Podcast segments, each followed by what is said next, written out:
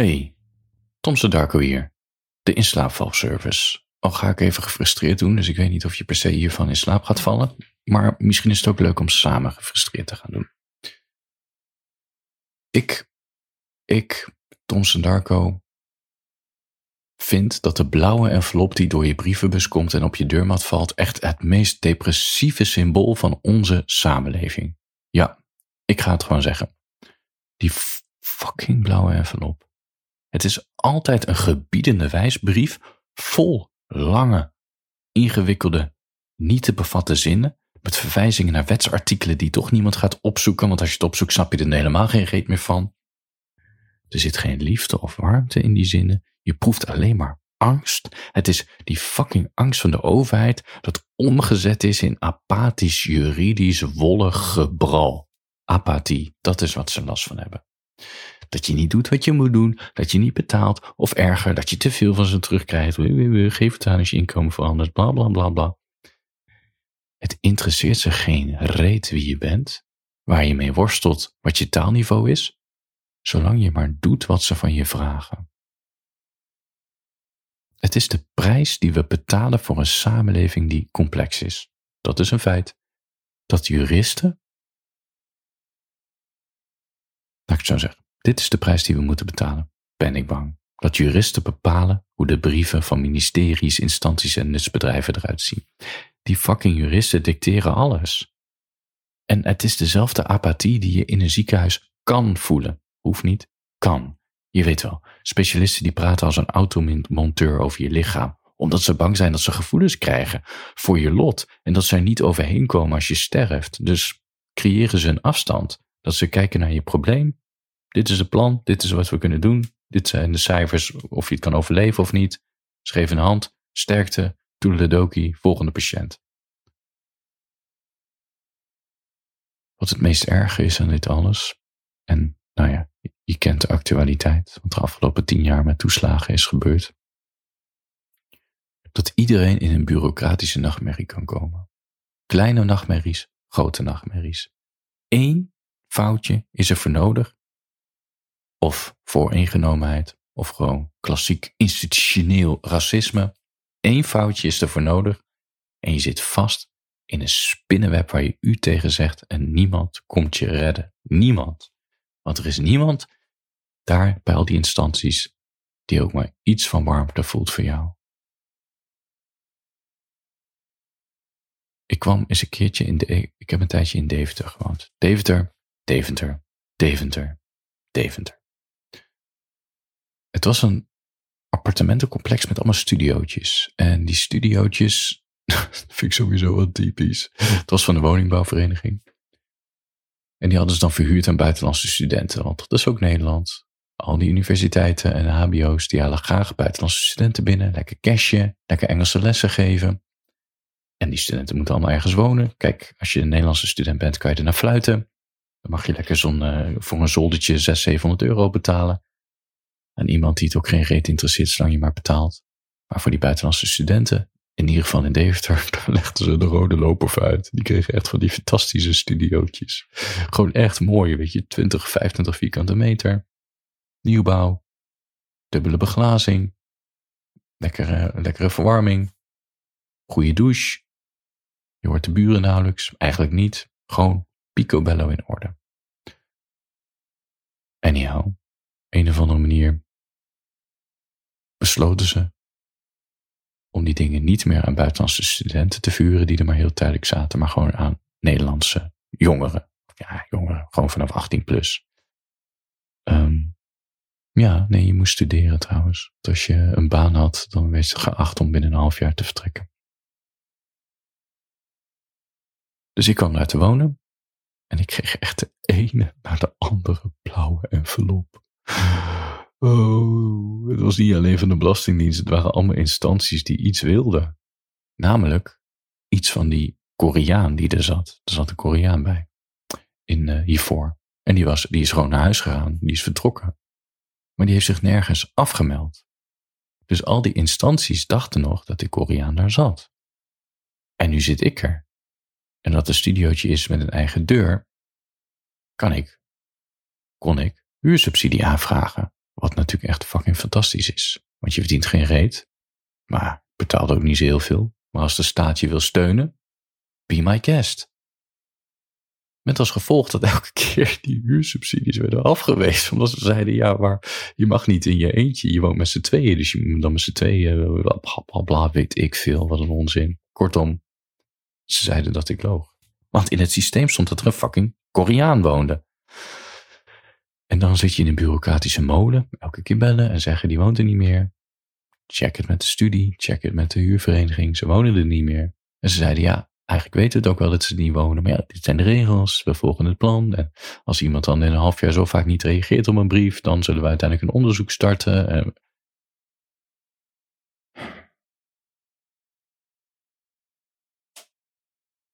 Eén foutje is ervoor nodig. En je zit vast in een spinnenweb waar je u tegen zegt.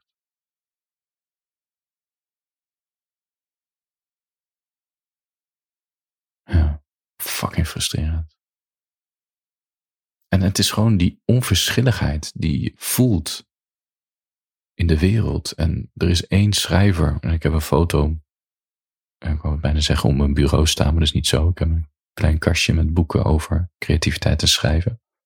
Daarbovenop heb ik allemaal spulletjes liggen.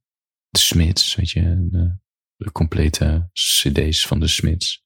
Zo'n verzamelboxje. Nou ja, maar dat soort dingen die iets voor me betekenen. En er staat ook Kafka. Want Kafka is mijn man. Tsjechische schrijver, Jood. Vlak voordat de Tweede Wereldoorlog uitbrak, overleed hij door een ziekte. Ik weet het niet, tuberculose misschien. Dat heb ik niet zo gelukkig maar. Want zoals die, uh, het leed in de kampen hem bespaard gebleven. Hij was ambtenaar. hij was ambtenaar, fulltime. En in zijn avonturen in de nachten schreef hij echt heel veel verhalen. Hij heeft zoveel geschreven. En daar komt het woord Kafkaesk vandaan, want Kafka snapte nu, toen al dat de bureaucratie en ja, je kan er als mens verzeild raken. En je komt er gewoon niet uit. En heel veel van zijn verhalen gingen daarover. Hij heeft, een, heel veel korte verhalen geschreven, een paar romannetjes, twee of drie of zo, vier. En een van die romannetjes, uh, romannen, die heet Het Slot. Die heb ik gelezen. En het gaat over K met een punt eigenlijk gaat het over zichzelf, die voor een administratieve opdracht naar een stadje gestuurd wordt. En die wil die graag degene in het kasteel spreken om duidelijk te krijgen wat hij nou precies moet doen, wat de administratieve opdracht is. Maar iedereen in het dorp ontkent zijn bestaan, dat hij daar niet hoort te zijn. En de mensen in het kasteel, de, laten we zeggen, de, die, die in de hiërarchie onderaan staan, die ontkennen het ook. Hij wil de leider spreken, degene die de opdracht heeft verstrekt. Maar hoe die erg hij ook zijn best doet, hij krijgt maar niet de leiders in het kasteel te spreken. En hij gaat daar settelen.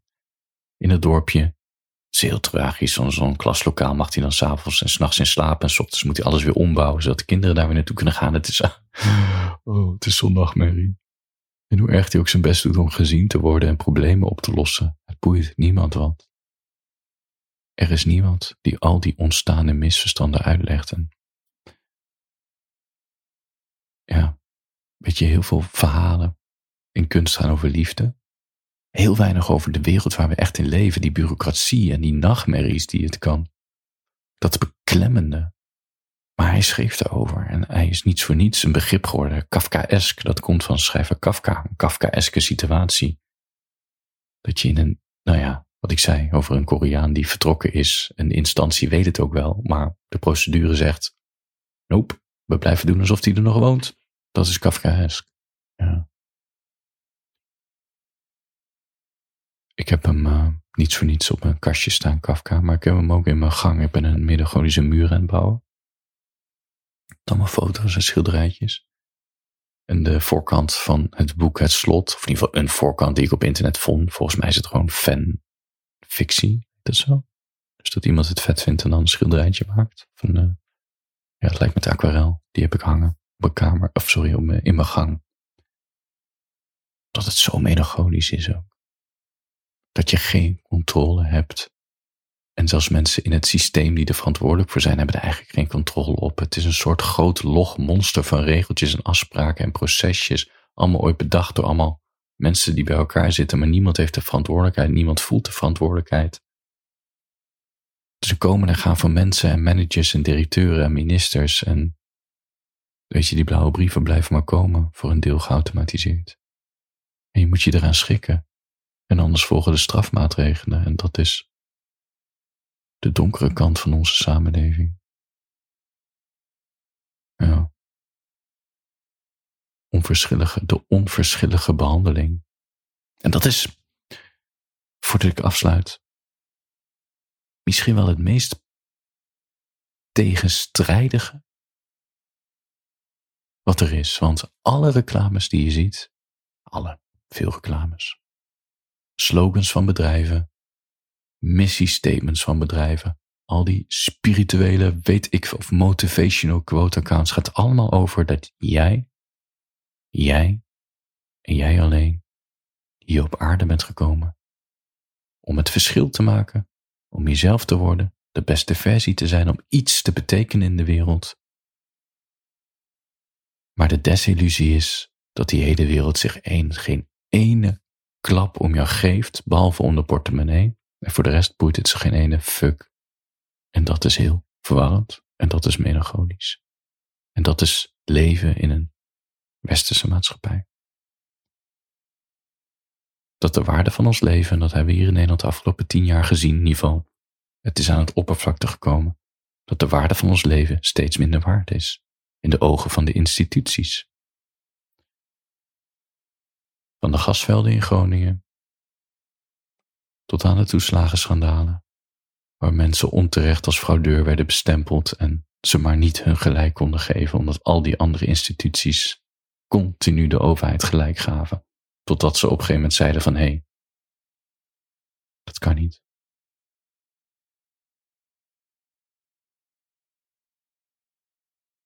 Onze levens zijn steeds minder waard. Ja, het is een treurige conclusie, maar het is wel wat het is. En daar praten we eigenlijk te weinig over. Omdat we ook juist met de overheid, met elkaar in gesprek moeten. En dan niet die overheid die zegt, we hebben een inspraakavond en we vinden het advies van de burgers heel belangrijk. Fuck jullie, dat vind je helemaal niet belangrijk. Erken de problemen, erken je eigen zwaktes en dan kan je pas praten. Weet je, en dat, daar moeten we over praten, dat we dit in beweging moeten zetten. Met elkaar.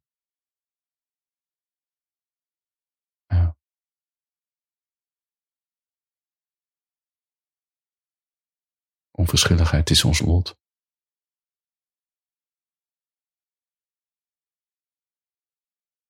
Nou, dit was mijn rant. Als je nog wakker bent. ja. Ik weet ook niet wat je doen als je nog wakker bent. Luister een ander berichtje. Of koop een boekje van me. Mag ook. Ik heb vijf, romanen, romannetjes geschreven voor je. Kan je lekker de zomer mee doorkomen. Handjes boven de dekens. Slaap lekker.